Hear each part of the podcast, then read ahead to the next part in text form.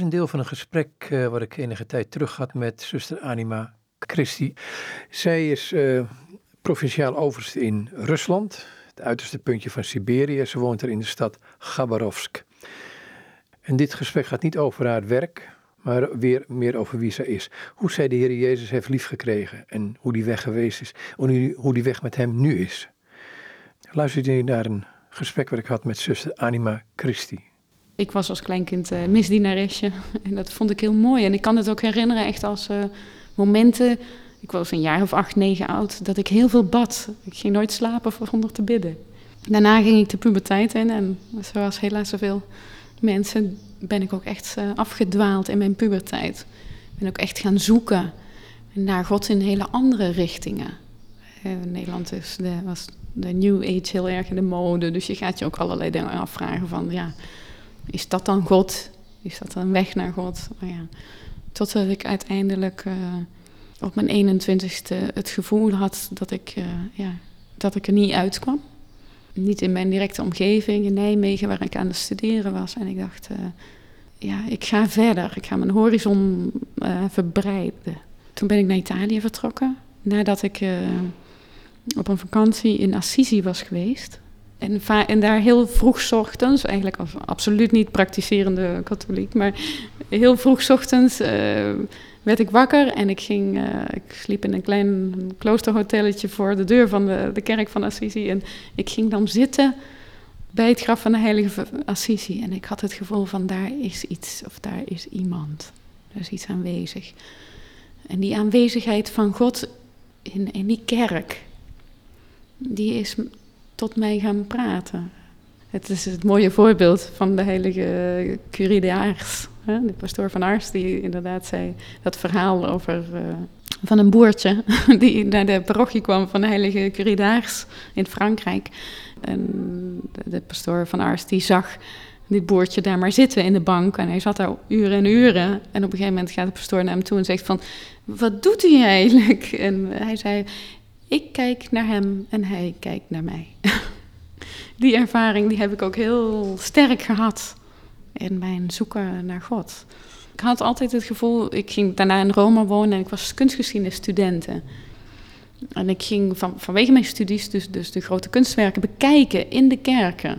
Want hier in, in, in Nederland vinden we kunstwerken in de musea vaak. Maar hier in Italië zijn ze dus in de kerken. En je ziet ook de context, de reden waarom deze kunstwerken gemaakt zijn. Hè? Michelangelo, de Sixtijnse kapel, maar ook uh, Caravaggio, de roeping van Matthäus en zo. Dus ik ging graag die kerken in.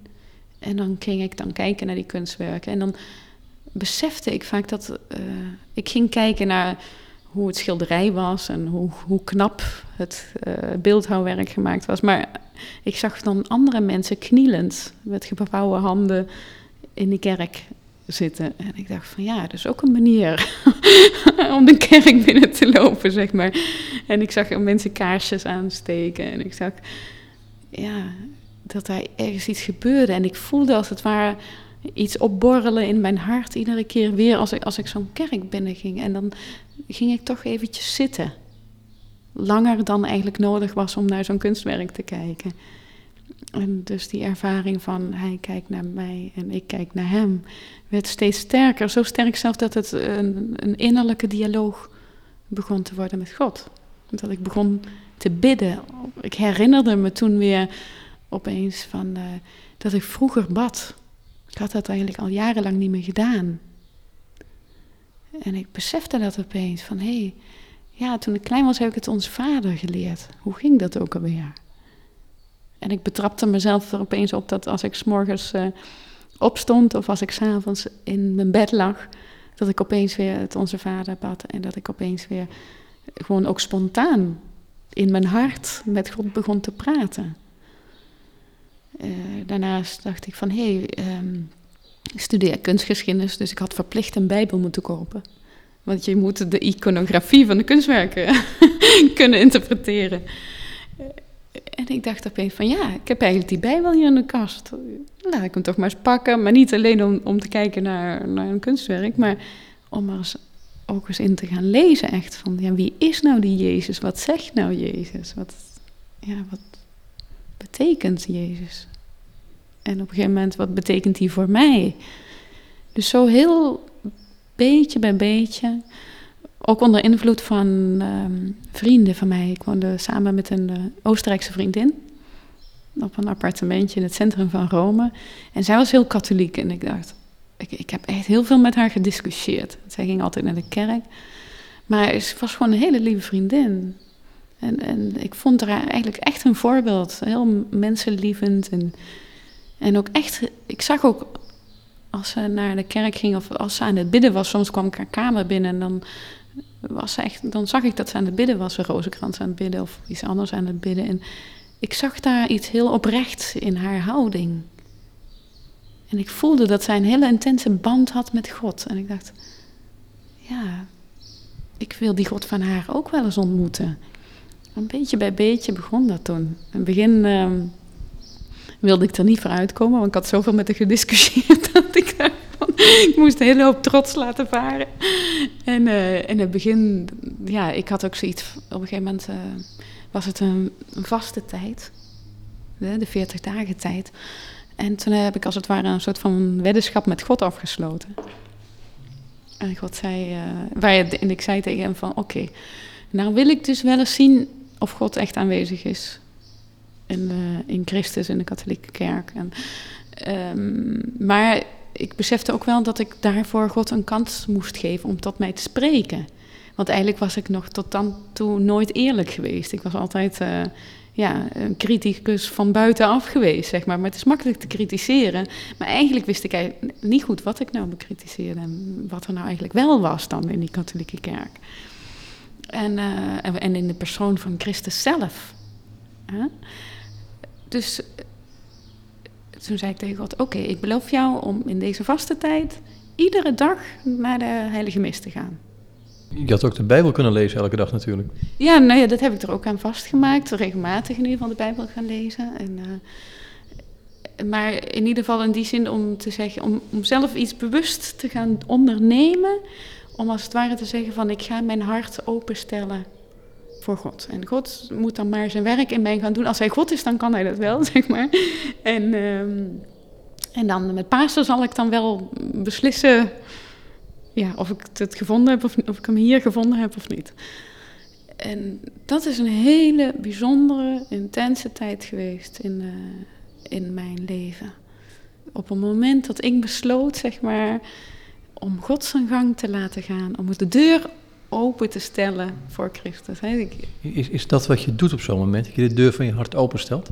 Ja, het is, Johannes Paus II zei het zo mooi toen hij uh, aankwam als uh, paus in zijn eerste speech. En Benedictus XVI heeft het nou ook weer zo mooi gezegd. Hè, van uh, spalancate le porta a Cristo. open de deuren wijd voor Christus. Hè? En dat is, ik denk dat dat... ja, dan laat je hem dan laat je hem pas echt binnen. Maar, maar, als je hem dan binnenlaat, wat wil hij dan? Veel meer dan je ooit zou denken. ja. ja, in het begin is dat een grote strijd geweest. Ik had van, vanaf het allerbegin het gevoel dat God meer wilde met mijn leven. Van het allerbegin. Ik weet nog dat ik uh, in de goede week van deze 40 dagen tijd opeens had ik een heel diep gevoel in mijn hart dat ik te biecht moest gaan. En ik dacht van, dat heb ik nog nooit gedaan in mijn leven. Wat moet ik daarmee? Ik weet ook niet hoe dat moet. Ik weet ook niet wat ik moet biechten. Ik heb geen idee. Maar ik, toch zei iets in mijn hart dat ik eh, God vergeving moest vragen voor mijn zonde. En dat ik ook echt uh, ja, schuld moest bekennen. Het was gewoon zo. En toen op een dag heb ik allemaal moed verzameld en ben ik naar de Sint-Pieter gegaan. Ik dacht van, nou ja, daar heb je... Biechtvader is een verschillende taal. Ik vond de Italiaanse nog wat moeilijk, zeg maar, om mijn hart er helemaal in te leggen. Dus uiteindelijk vond ik een... Uh, in plaats van een Nederlander vond ik een, een Engels sprekende biechtvader. Met knikkende knieën ging ik in zo'n biechtstoel zitten. en ik weet nog dat ik zei tegen die pastoor... Ik wil biechten, maar ik heb geen idee hoe ik dit moet doen. Maar ik voel dat ik dit moet doen. Wilt u mij helpen? Oké, zei hij. Heb je het echt nog nooit gedaan? Nee, echt nog nooit. Nee, Oké, dus hij begon mij vragen te stellen, weet ik veel. En, en er kwam een heel mooi gesprek uit. En daarna had ik echt het, uh, kwam er een echte genade van de Heer in mijn hart. En direct op dat moment had ik het gevoel van ik moet mijn hele leven aan God geven. Dat gevoel heeft me niet meer losgelaten. Maar het heeft wel, uh, ja, zeker twee jaar, tweeënhalf jaar geduurd voordat ik ook echt mijn hele leven de moed vond, de genade vond, of de kracht vond om ja te zeggen uh, aan dit grote verzoek van Christus. Maar, maar zo'n capitulatie, ehm, is dat die hoogmoed? Ja, het zijn verschillende dingen. Uh, natuurlijk is het een beetje angstig. Iedereen vindt het bang om in, is bang om in het diepe te springen. Hè? Dus uh, je moet op een gegeven moment zeggen van... ik geef mijn leven over aan God en hij trekt aan de touwtjes. Dat is heel moeilijk. Hè? Vooral als je rationele Hollander vind je dat eigenlijk heel moeilijk.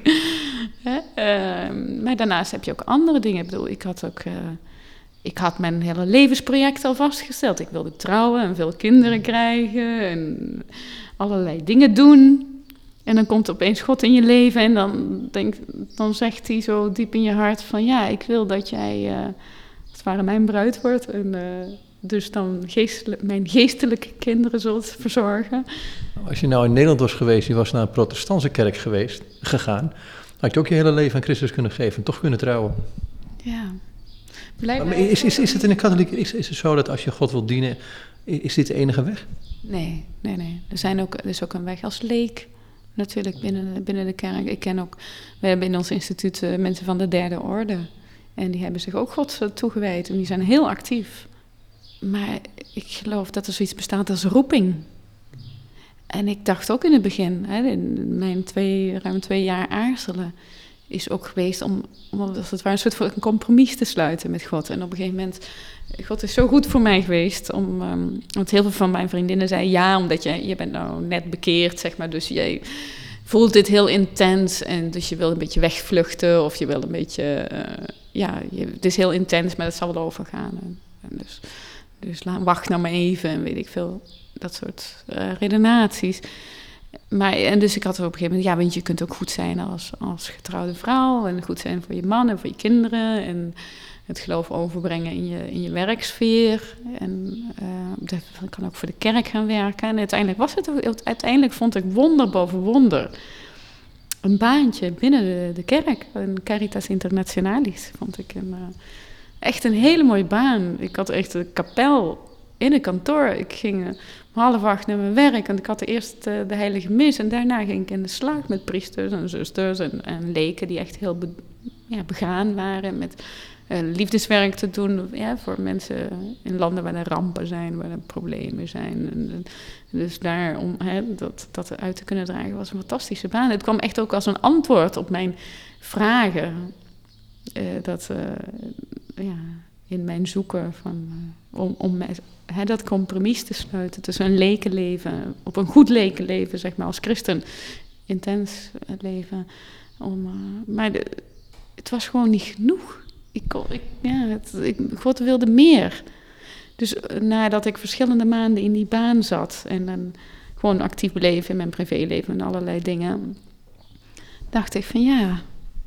En toch zegt iets in mijn hart me dat ik mijn hele leven moet geven. Maar goed, dat hele leven geven. Ik ken mensen die zijn de zendingen gegaan, ze hebben op wat manieren, dan heb ik, dan heb ik zelf de gedachte überhaupt, als je je leven in Christus geeft, en ben van hem. Of je nou bakker bent of, of verzendeling, dat maakt toch niet zo gek vanuit, denk ik dan. Um, maar wat, wat gaf je het idee dat je een bruid van Christus zou worden? Want eh, als ik de Bijbel goed lees, en misschien lees ik wel niet zo goed als protestant of als, als niet-katholiek, niet um, staat er dat, dat de gemeente van Christus zijn lichaam is, zijn bruid is, op een gegeven moment. Wat maakt dit nou anders? Want capitulatie is volgens mij capitulatie. Ik heb hetzelfde moment doorgemaakt. Ben ook gewoon getrouwd. Ja, en toch legde God uh, me dit in mijn hart. Dat ik, uh, ja, dat ik ook mijn liefdesleven, als het ware, met hem uh, moest beleven. Op een of andere manier. Dat, ik bedoel, ik was wel eens een keertje verliefd. Ben ook wel eens uitgenodigd om te gaan trouwen. En ik heb daar ook echt serieus over nagedacht. En toch voelde ik dat uh, mijn liefde voor God nog verder ging dan dat. En dat ik als het ware, ja, heel, ehm, ja, misschien een beetje moeilijk uit te leggen, exclusief, op een meer exclusieve wijze God toe moest behoren. En dat ik besefte dat, dat ik dat alleen maar kon als ik in een klooster zou gaan, waar ik dus uh, met een kapel zou leven, waar ik dus een gebedsuren iedere dag heb. Om ook echt bij hem te zijn. Eh, op een andere manier dan bijvoorbeeld je kunt zijn als je als een leek in de wereld leeft, hoe toegewijd je natuurlijk ook bent. Maar je hebt altijd, eh, ja, je moet toch werken, je moet je gezin onderhouden, je, dingen, je, je hebt je kinderen, daar moet je voor thuis zijn. En je echtgenoten moet je voor thuis zijn. Je kunt niet als, uh, of, of ja, je kunt als getrouwd mens moeilijker, zeg maar, um, alles opgeven en je gaat naar Rusland of je gaat, um, en dat gebeurt wel, maar maar moeilijk. Als je geroepen wordt, gebeurt dat? Dat is een andere vraag die bij mij opkomt. Hè? Als ik dit zo hoor, denk ik, ja, um, je zegt, ik wilde in een kapeldienst zijn en een, klooster, uh, elke dag dicht bij hem. Wat betekent dan zoiets als Johannes 14, als, je, als, als Jezus zegt van als je van ons, als je mij lief hebt, dan zullen we bij je komen wonen, in je komen wonen in wezen. Um, dan is hij toch bij je? Of in je? Hij zegt, ik ben met, met u uh, ja, elke dag tot het einde de wereld. Dat, dat met ons zijn, dat is toch een belofte wat hij geeft? Ja, dat is hij inderdaad ook. En overal waar, waar ik ook ben, of, waar u ook bent, of ieder gelovig mens, hè, kan het op een hele intense manier uh, beleven, die inwoning van de heilige drie-eenheid. Maar ja, ik wilde dat niet alleen maar in me, maar ook buiten, buiten me, zeg maar, in mijn hele, in mijn hele leven. Ook ook om bijvoorbeeld het heel ja, bewust uit te kunnen dragen. En, en me echt 100% daarvoor in te zetten. En zonder daarbij veel andere dingen voor mezelf te reserveren, zeg maar. Ik, ik, had het gevoel dat, dat God dit van mij vroeg. Ik weet, dat heeft ook geen natuurlijke uitleg. De roeping is ook iets bovennatuurlijks. Hè? Het, ik bedoel, rationeel gezien... Iedere man of vrouw is gemaakt uh, ja, voor het huwelijk, om niet alleen te leven bijvoorbeeld. En om vrucht te draaien, kinderen te krijgen. Hè. Dat heb je in je natuur. Dus het feit dat, dat God je roept en, en uiteindelijk iets in je hart legt wat eigenlijk bovennatuurlijk is. U wist dat dit erbij hoorde, dat gewoon het celibatair leven? Nou ja, je, je kent op een gegeven moment, ik bedoel, in mijn jaren van zoeken had ik natuurlijk wel uh, priesters en zusters leren kennen die op deze manier leefden. Dus ik, ik wist dat het niet uh, verplicht was voor mij. Ik wist ook dat ik. Uh, ik bedoel, God heeft mij geroepen, maar ik had ook wat, ik had ook wat anders kunnen antwoorden. Hè? Dus zelfs in die zin, God dwingt je nooit. Dus ook was ook een besef uh, dat ik mijn leven wil geven in offergave. Ik heb ook veel mensen ontmoet in mijn leven en ook zelf uh, ervaring gehad van wat het betekent als je ver van God afleeft. En hoe ver de mens die van God vervalt, vervalt ook van zichzelf. Ja, egoïsme en allerlei eigenlijk vaak negatieve eigenschappen van de mens komen boven. Terwijl ja, Jezus helpt ons om betere mensen te worden en op een, op een respectvollere manier met elkaar vaak om te gaan. Wat niet met, beseft dat, dat iemand die zichzelf niet christen noemt, niet respectvol kan zijn en niet liefdevol kan zijn. Dat, dat wil ik helemaal niet zeggen. Maar je ziet wel dat veel mensen uh, door Christus in hun leven de kracht krijgen om zichzelf soms te vergeten. En, uh, en heel zorgzaam en liefdevol en, en, en andere dingen te doen, zeg maar. Maar ook in een kloosterleven lijkt me niet het meest makkelijke wat er op deze wereld bestaat. Want daar werk je met andere, of leef je met andere mensen die allemaal deze gedachten zullen hebben, geroepen zullen zijn. Maar je moet elkaar maar niet kunnen zetten. Je moet deugdzaam zijn in je leven. Dus net als een huwelijk. Je, je leeft samen, maar je moet deugdzaam zijn. je moet elkaar ook ruimte gunnen. Ieder mens uh, heeft, het wordt geboren met zijn eigen karakter, met zijn temperament. Je, moet, uh, je moet daaraan werken. Je moet je fouten kunnen erkennen. Je moet eh, elkaar kunnen vergeven. Je moet echt bewust werken om te proberen om de ander het naar de zin te maken. Meer dan dat de ander moet proberen het jou naar de zin te maken vaak. Er zijn allerlei dingen ja, die zijn natuurlijk menselijk gezien moeilijk. Net als in ieder menselijke vorm van samenleving. Maar als je, mm, ja, je, je deelt je geloof. Ik bedoel, je gaat iedere dag samen met de zusters bidden. Je hebt ook momenten van samen dingen doen, bijvoorbeeld. Het is heel belangrijk om, uh, net is ook in een huwelijk, je moet soms ook echt, uh, man en vrouw moeten ook samen dingen gaan doen. Ook al hebben ze nog zoveel kinderen, je moet op een gegeven moment toch je relatie onderhouden, als het ware, zeg maar. En, en dat, is, uh, ja, dat moet je ook als, als zuster doen. En er moet aan gewerkt worden, dat is een hele leven lang. Je moet niet denken van, nou, nou ben ik binnen en ik heb mijn eigen dingetjes wel op orde, zo. En dan, nee, je moet er echt hard aan werken. Dus ook een, een, een, een, ehm, een zuster. ja, sorry, ik heb hem lachen moeten. Maar het blijft werk en uitvoering. Hoe mooi en hoe vroom ze ook door de stad lopen. Tuurlijk, tuurlijk. Je kunt soms, we kunnen soms verschrikkelijk zijn.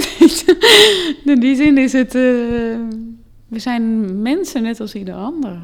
Maar we hebben gelukkig het besef dat we tegenover onze mankementen uh, niet alleen staan, maar je krijgt natuurlijk de hulp van uh, bijvoorbeeld een gebedsleven helpt heel erg om jezelf te leren kennen, bijvoorbeeld. Ja, ja dat wil ik wel eens uitgelegd hebben. Hoe werkt dat dan? Bidden is spreken met God, is spreken met Hem van wie je weet dat Hij je lief heeft, zegt de heilige Teresa van Avila. Je kunt op verschillende, verschillende manieren bidden. Je kunt uh, vocaal bidden, hè, dus uh, gebeden die je kunt leren uitspreken en dat soort dingen. Maar je kunt ook mentaal bidden, dus zeg maar met je geest. Een confrontatie aangaan als het ware met God en met jezelf.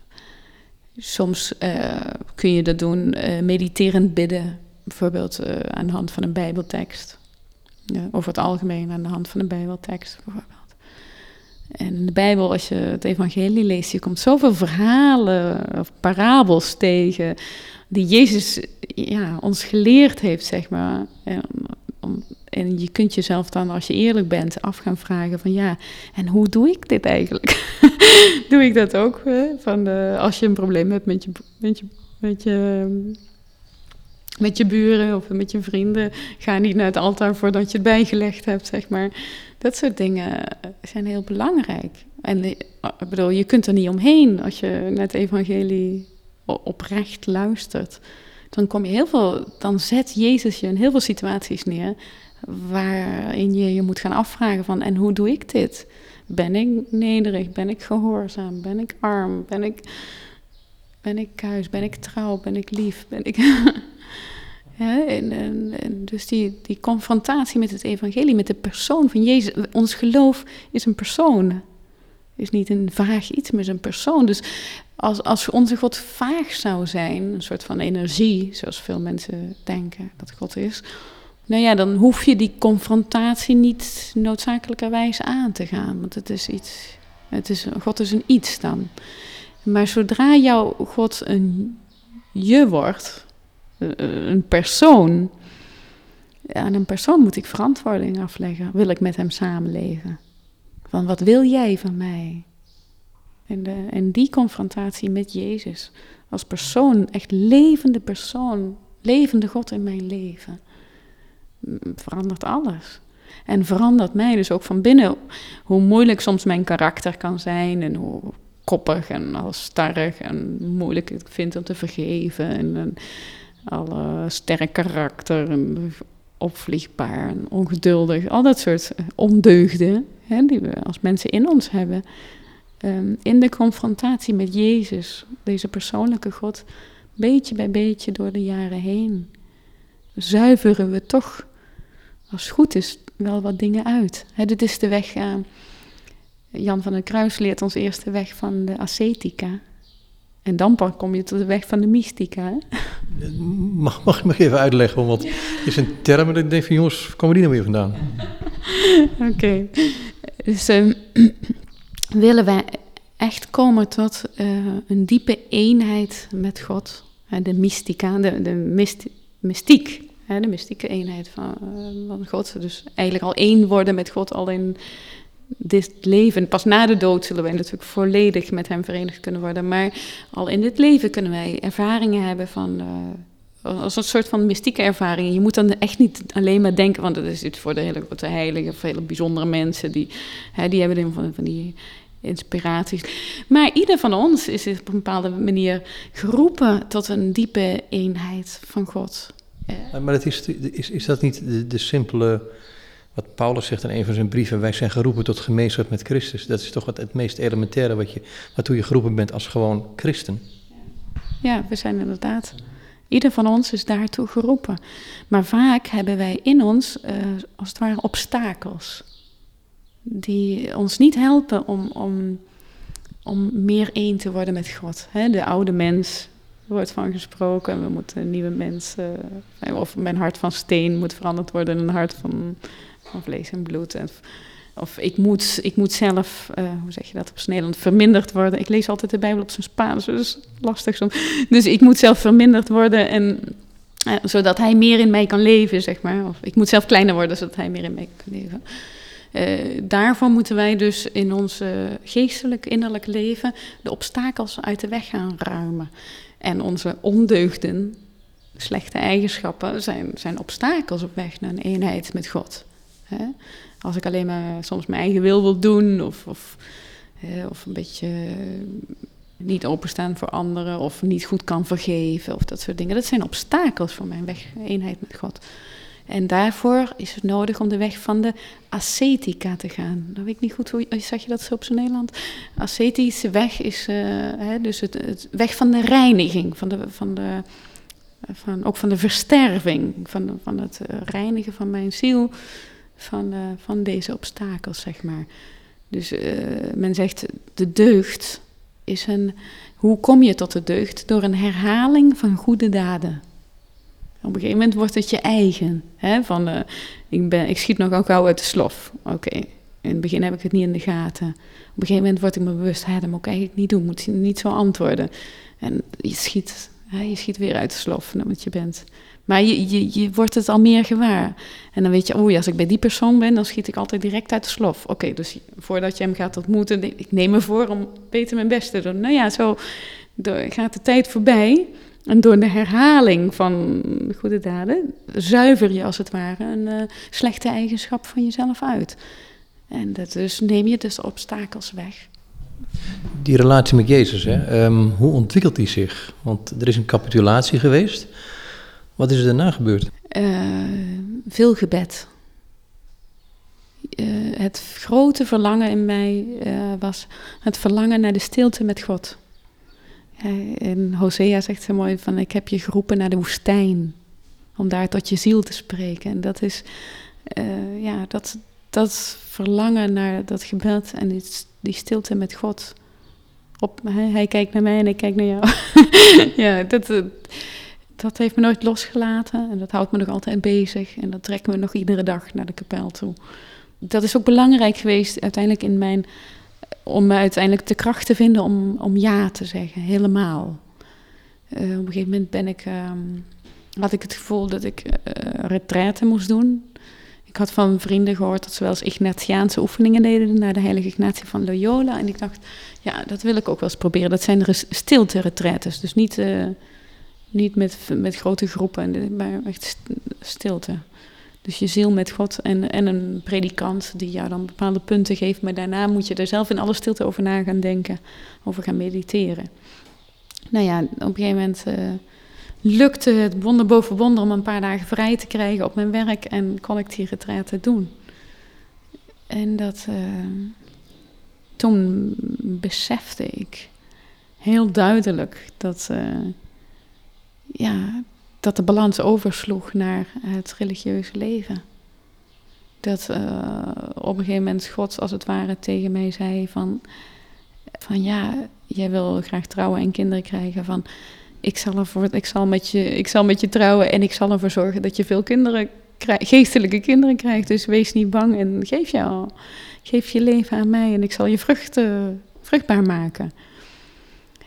Het duurde een paar dagen na die retraite dat ik... Uh, ik durfde het niet uit te spreken tegen mijn geestelijk begeleider.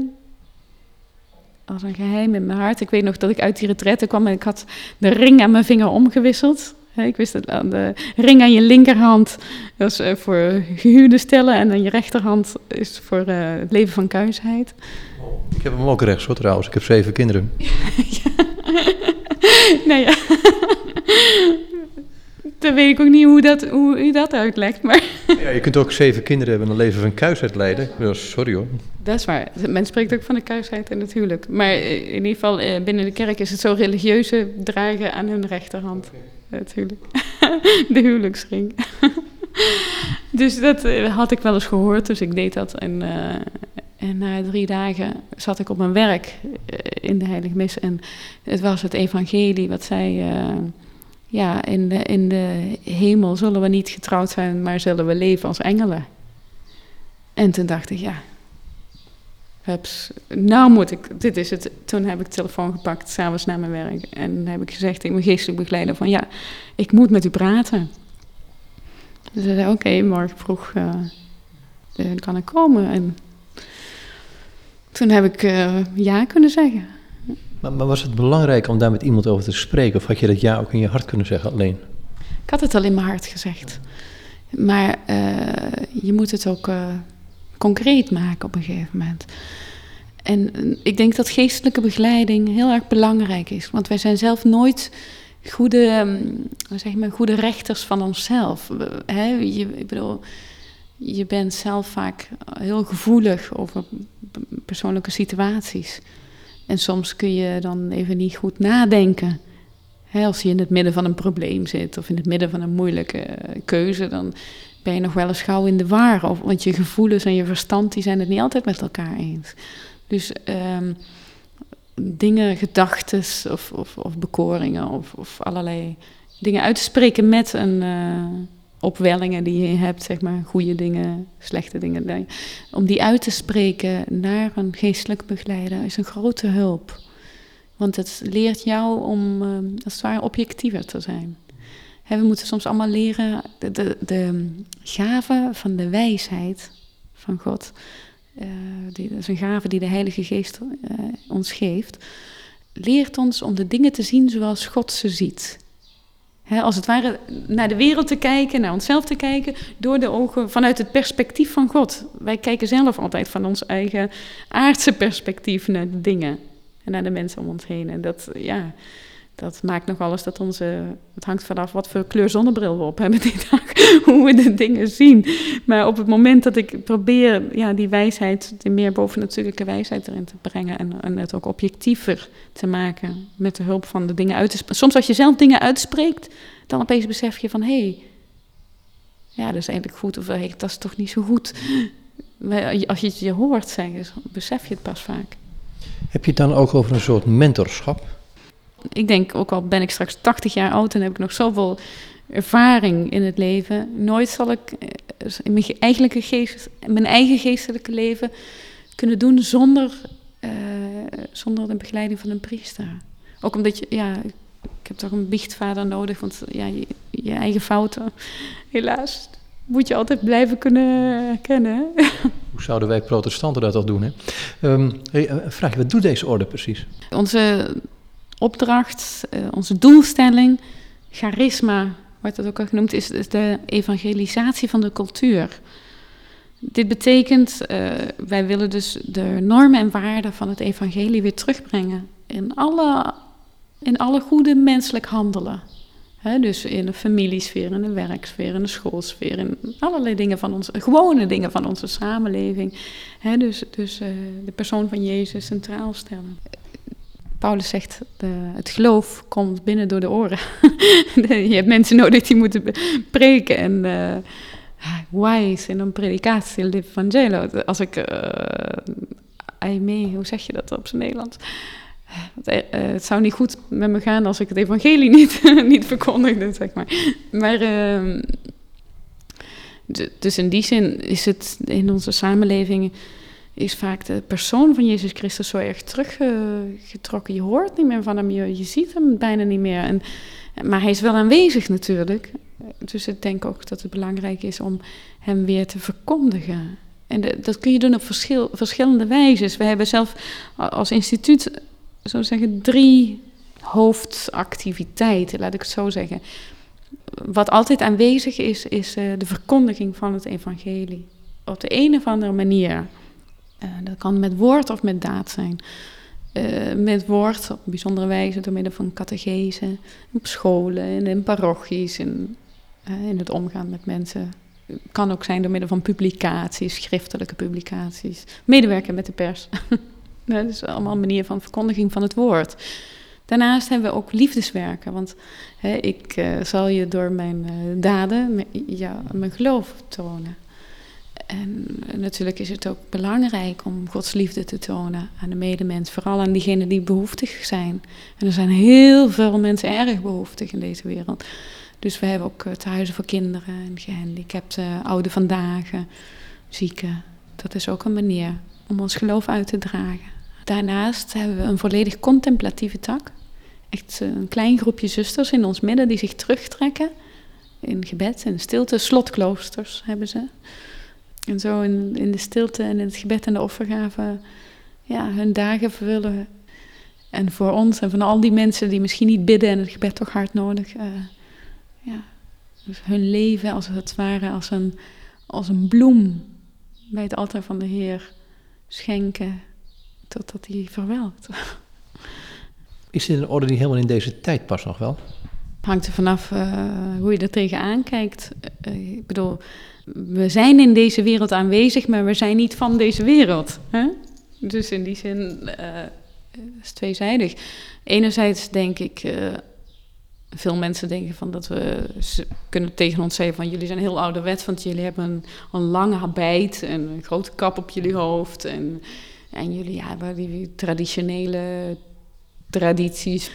Anderzijds denk ik dat onze zusters, omdat we natuurlijk allemaal, en priesters ook, we zijn kinderen van onze tijd. En we zijn ook opgegroeid in de, wereld waarin we leven. En we kunnen best praten over uh, argumenten die spelen in de wereld om ons heen. Omdat we ja, ze van heel dichtbij meegemaakt hebben of meemaken. Het is niet zo dat wij echt alleen maar ons kunnen wijden aan of ziektezorg of aan kinderthuizen of wat dan ook. Maar we kunnen ons heel erg inspringen op de, op de noden van de samenleving. Bijvoorbeeld, de missie is heel anders in de Oekraïne dan in Taiwan, dan in Argentinië, dan in Brooklyn, New York. Het zijn hele verschillende realiteiten en iedere samenleving heeft uh, ja, toch weer andere, een andere manier van staan tegenover het evangelie en, en, en, en de noden die ze nodig hebben. U zou eens moeten weten hoeveel contact wij hebben met mensen. En ook heel diepgaand contact met mensen. Uh, er gebeuren hele bijzondere dingen, juist omdat je als kloosterling je hoeft uh, niet mee te doen aan allerlei feesten in partijen en allerlei soort van sociale uh, verplichtingen. Uh, maar omdat je een gebedsvol leven leidt, komen vaak mensen naar het klooster toe.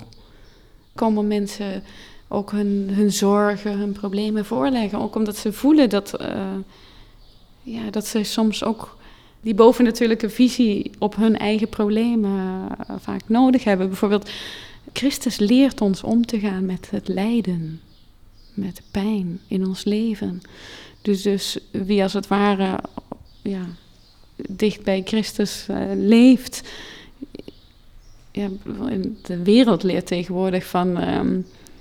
Uh, doet het pijn, uh, trek de stekker eruit.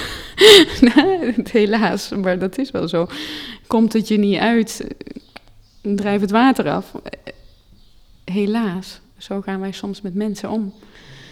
terwijl Christus daar iets heel anders over zegt. En uh, leert het leven te waarderen van, uh, van het begin tot, tot de laatste ademstoot. En dat, uh, ja, daardoor komen mensen heel veel praten in het klooster. En ook echt om raad vragen, om gebed vragen.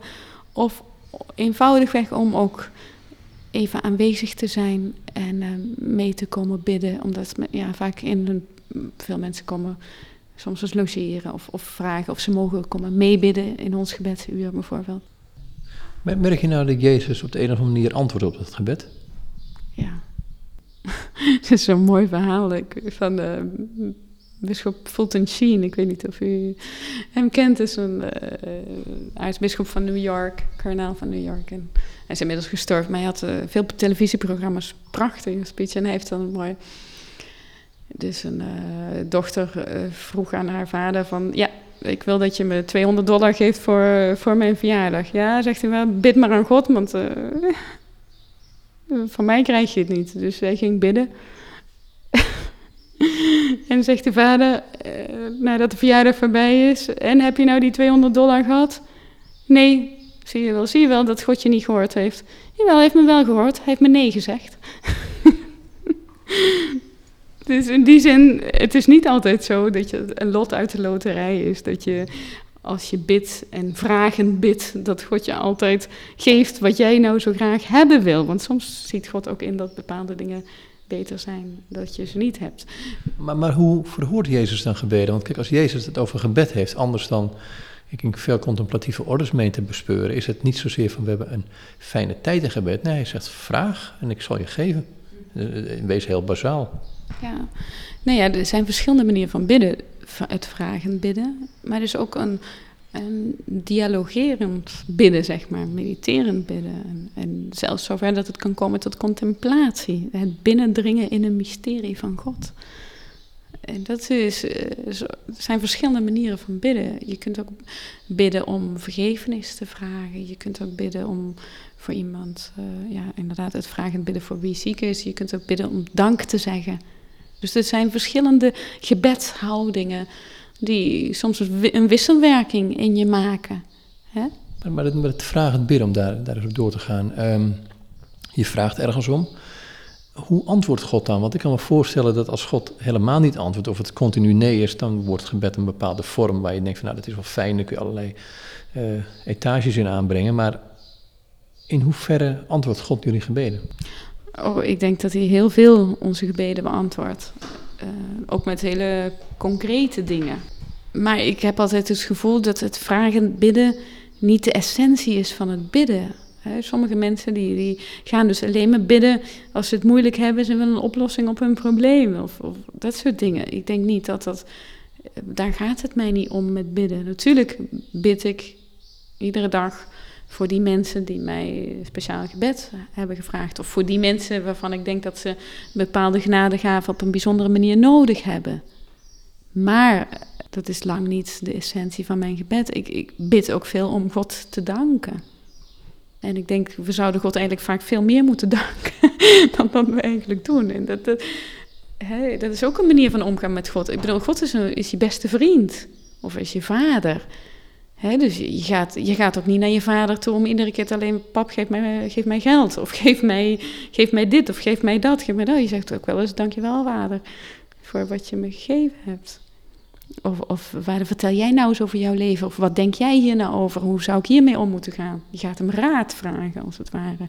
Ik denk dat dat is veel meer de essentie van het gebed. Goed, als ik, als ik dat aan... Goed, mijn vader is helaas overleden, maar hem zou vragen... dan krijg ik meestal antwoord. Er is een dialoog. Is die dialoog met God ook in gebed? Ja, heel duidelijk. Het is heel bijzonder hoe, ja, hoe zeg je dat, de inspiraties van de Heilige Geest, wordt het wel genoemd. Hè? Hoe je als het ware licht krijgt in je hart. En eh, opeens, je, je zit soms dagenlang te tobben over iets. Of hoe moet, ik, hoe moet ik dit oplossen? Of hoe moet ik dit doen? Of hoe kan ik aan mezelf werken? Wat moet ik eigenlijk doen? iets toegeven. Iets wat.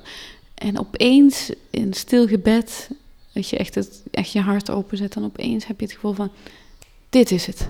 Dit is, uh, ja, eigenlijk, ik moet het zo doen. En dan krijg je opeens de kracht om, uh, om toch naar iemand toe te, toe te stappen en je te vernederen als het ware. En te zeggen, sorry, je hebt gelijk, ik heb het fout gedaan.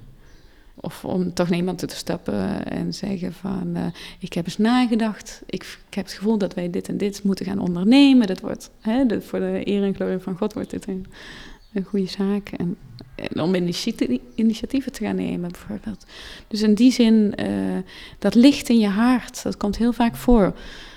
En voortdurend ook op verschillende momenten van de dag. Niet alleen als je in stilte in de kapel zit, maar ook heel vaak als je soms in, in gesprek bent met mensen en mensen leggen je soms situaties voor. En ik, "Ah, wat moet ik hier nou op zeggen? Want het is echt een hele moeilijke situatie. En opeens komt er zoiets in je op en dan denk je van ja, maar is dit niet het geval? Of zou je dat dan niet moeten doen? Of, of, of bedoelt u nou dit te zeggen? En dan opeens begrijp je situaties of, of zie je oplossingen waarvan je zegt van dat ben ik niet geweest, maar dat is echt eh, de inspiratie van de Heilige Geest.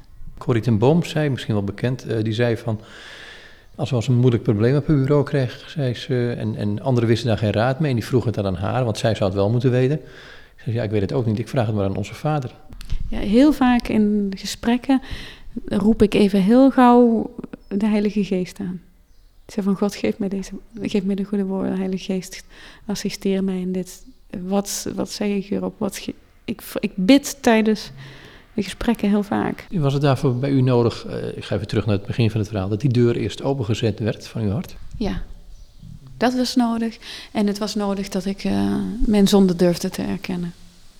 Om, om echt, eh, echt met heel open hart het genadeleven binnen te stappen. Dat, eh, dat was eigenlijk hoe de deur ontgrendeld kon worden. Die deur openzetten, is- in het begin heeft ook het woord hoogmoed ge- genoemd. Ehm, ik proef het verhaal ook dat die capitulatie op een gegeven moment ook leidt tot... eh, je, je kunt God dienen op je, op je, op je eigen wijze. Eh, of wat iemand een keer zei, de viool spelen voor God. Of ik kan de viool op je spelen. Dat jij een viool in zijn handen wordt. Hoe is dat proces om een instrument in zijn handen te worden? Eh, dus niet iets wat je eh, vandaag geleerd hebt en, en morgen eh, telkens weer perfect blijft doen. Want we hebben altijd te maken met onze eigen menselijke natuur.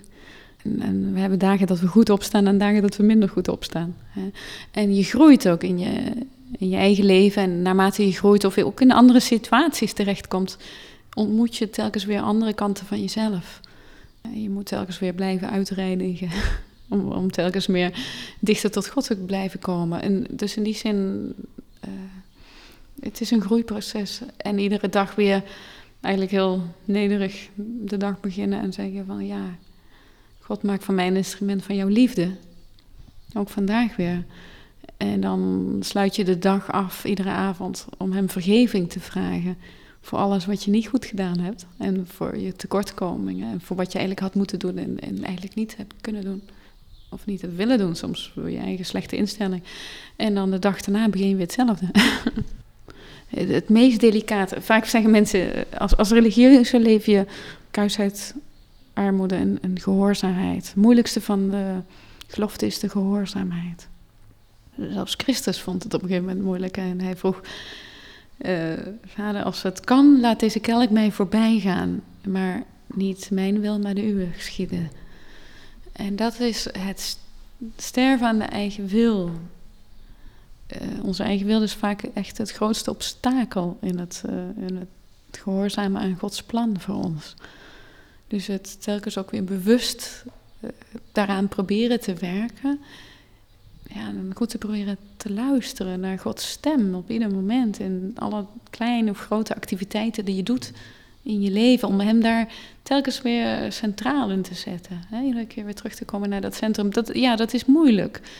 Maar je hebt daar natuurlijk wel de genade voor. God, God laat je niet alleen. Hij is een vader. Hij loopt voortdurend bij je. Hij is de beste vriend van je ziel. Hij heeft zijn leven voor ons gegeven. En hij zegt, ik noem jullie vrienden. Dus in die zin, bedoel, voor onszelf alleen zou het onmogelijk zijn. Maar omdat hij in ons woont en met ons leeft, en omdat we proberen zo menselijk mogelijk, maar toch naar zijn stem te luisteren, merk je dat het lukt, dat hij als het ware je maakt tot instrument van zijn liefde.